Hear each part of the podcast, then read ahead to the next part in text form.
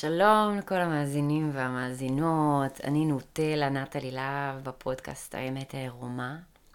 שבגדול אני יושבת בבית ומדברת לעצמי במשך עשר דקות על כל מיני נושאים, ואתם פה איתי יכולים לשמוע ולקחת מזה את מה שמדבר אליכם.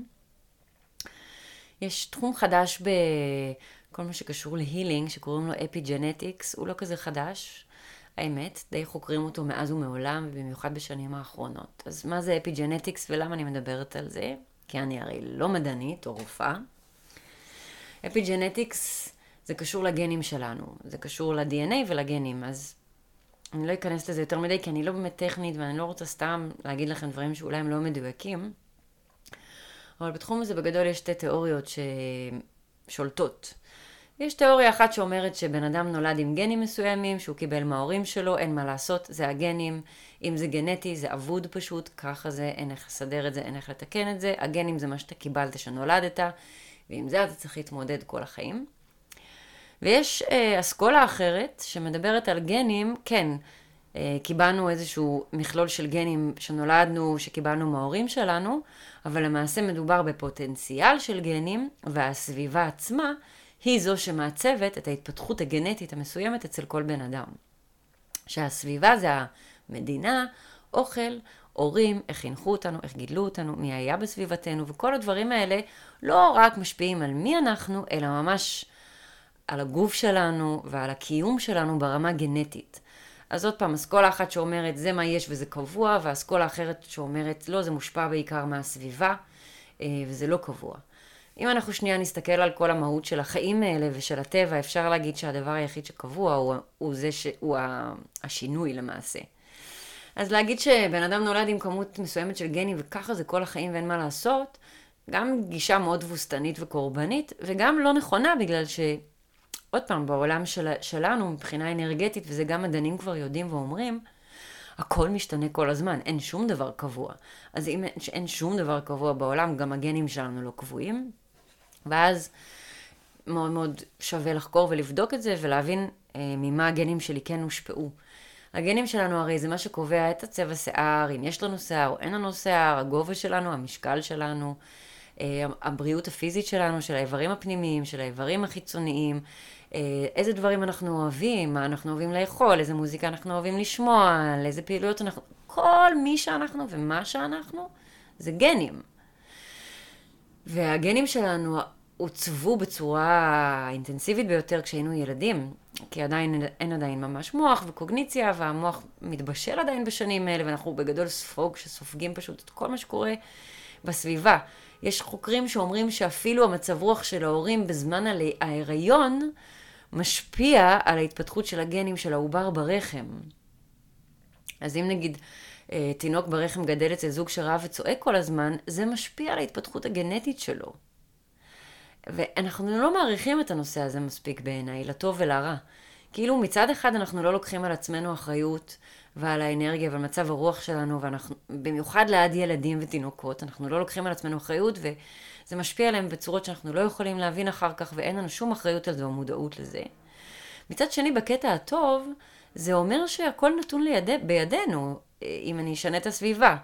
שהסביבה זה גם המחשבות שלי לצורך העניין, או המקום שאני גרה בו, האנשים שאני מסתובבת, הפעילויות שאני עושה ביום-יום. אם אני אשנה את הדברים האלה, יש לי בפוטנציאל את היכולת לשנות את עצמי, את הגוף שלי, את הבריאות שלי, את מי שאני, את החיים שלי בכלל. ואז עוד פעם, אלה שמאמינים שפשוט הגנים קבועים וככה זה, למה זה בעיניי תודעה קורבנית? כי אז כל דבר לא טוב שיש לי שהוא גנטי, אני יכול להאשים את ההורים שלי, להרים ידיים, אין לי מה לעשות, זה גנטי, זה לא בידיים שלי, הם אשמים, בגללם יש לי את זה, כוס אימא שלהם, ידעתי שהם חארות, העבירו אליי את כל החרא שלהם, עכשיו אני תקוע עם זה. וזה נוח לאנשים בגישה הקורבנית לראות את זה ככה, כי אז הם לא צריכים בעצם להפעיל שום מאמץ כדי להשתנות. אבל אני יותר דוגלת בתדר הגיבור, האדם שבוחר לקחת על עצמו אחריות, על החיים שלו, על הגוף שלו, על המבנה הגנטי שלו, ולשנות את זה לטובה. ועוד פעם, אם בן אדם גדל באיזושהי חברה שאמרו לו שגנים זה משהו קבוע ואי אפשר לשנות את זה, אז הוא בכלל לא יחשוב על אופציה של לשנות. אז בגלל זה חשוב שאני מדברת על זה, ועוד אנשים, בדיוק דיברתי על ספר של הפסיכולוגיה ההוליסטית, How to do the work, והיא ממש מדברת גם על אפיג'נטיקס שמה ועל כל ההשפעה שיש לסביבה שלנו, על הגנים שלנו. ג'ו דיספנזה מדבר על זה, Becoming Supernatural, קוראים לספר שלו, הוא גם מדבר על כל ההשפעה על הגנים, ספר שלם, שקראתי עוד שלושת רבעי ממנו, והוא פשוט מרתק, עם אנשים עם כל מיני מחלות אה, גנטיות שריפאו את עצמם בעזרת מדיטציה ועבודה עם הלב.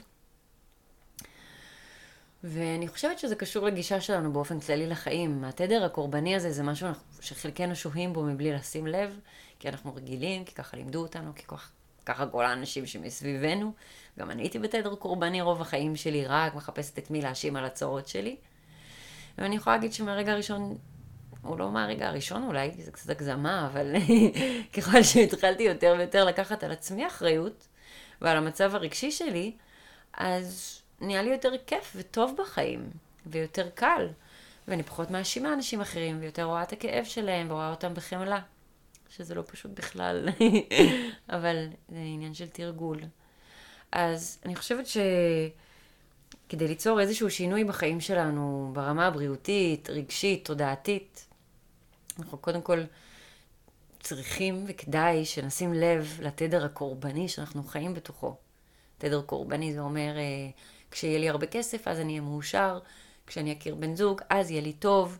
אה, משהו בעולם בחוץ צריך להשתנות, לקרות, כדי שלי מבפנים יהיה טוב. זו גישה קורבנית, כי אז אם הבחוץ לא עושה לי טוב, אז לא טוב לי, וזה בגלל הבחוץ, והוא אשם.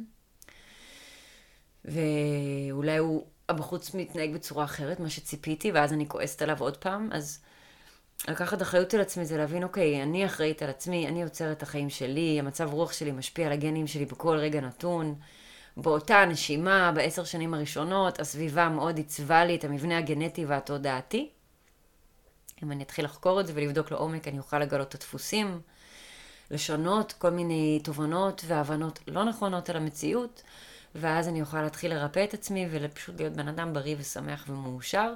אני יכול ללכת בכלל בתהליך הזה ובדרך הזאת, אם אני מוכן לקחת על עצמי אחריות, אם אני רואה שזה בידיים שלי, אם אני מבין ויש לי את המידע הנכון בשביל לראות שכן, יש לי השפעה גם על הגוף שלי וגם על הגנים שלי. אז אם אתם מקשיבים, כנראה שהתחום הזה גם קצת מעניין אתכם. אני יכולה להמליץ לכם לחקור על epigenetics, epigenetics, שזה גנים. אה, לחקור על זה, לקרוא, גם רופאים ומדענים כבר חוקרים את זה ומקבלים את זה ומבינים שזה גם נכון. אה, ואני פשוט, המוח שלי כל כך סקרן ואני רוצה לדעת, אז אני פשוט חוקרת ובודקת וקוראת מלא אנשים, ואחר כך אוגרת מתוך כל זה את מה שמתאים ונכון לי. גם המורה שלי בעצם, הנוכחי, שאני איתו כבר איזה שלוש-ארבע שנים, אה, שעוזר לי גם בכל הניקיונות הפנימיים ובהתעוררות שלי, בין היתר גם הוא אחד מהאנשים שדיבר איתי על אפיג'נטיקס ולימד אותי שאני יכולה להשפיע על הגוף שלי. אז זה בסדר אם לא ידעתם את זה עד עכשיו, או אם זה נראה לכם מוזר ולא נכון, כי זה נוגד את כל מה שחשבתם, או כל מה שלימדו אתכם, אבל זה כן תחום שקיים, זה כן תחום אמיתי לגמרי, שהוא גם במחקר היום, ועכשיו כשאנחנו מדברים על זה ואני מספרת לכם, אז אתם יודעים קצת יותר על זה, ושווה לבדוק.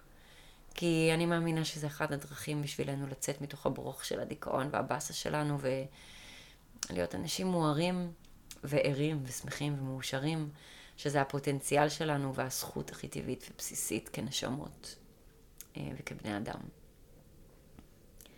אז אני ממליצה לכם לחקור. אה, משהו אחד שכל האנשים שהזכרתי מדברים עליהם היום, זה מדיטציה של אה, חיבור ללב, ללב שלנו, קוראים לזה heart coherence באנגלית. אז בגדול הדרך הזאת אומרת, בבוקר, לפני שאני מתחיל את היום, לעצום את העיניים בישיבה או בשכיבה, לקחת כמה נשימות מאוד מאוד עמוקות פנימה דרך אף והחוצה דרך הפה, ואחר כך לעלות בן אדם, ילד, חיית מחמד, מקום בעולם, איזשהו זיכרון של משהו שעושה לנו טוב בלב, וממש לדמיין כאילו הדבר הזה קיים עכשיו, יושב פה איתנו, אנחנו ממש רואים את הבן אדם הזה, מחבקים אותו, מדברים איתו. ותוך כדי שאני מדמיין את הדבר הזה שעושה לי או שעשה לי טוב בעבר, מה שיקרה לי מבחינת המוח ברמה ההורמונלית זה ברגע שאני אתחיל לדמיין את זה בראש שלי וזה יהיה מספיק אמיתי ומוחשי, הגוף מגיב כאילו זה קורה עכשיו, ובעצם יפריש את ההורמונים האלה שעושים לי תחושה טובה בגוף. זה מה שעוזר לפתוח את הלב.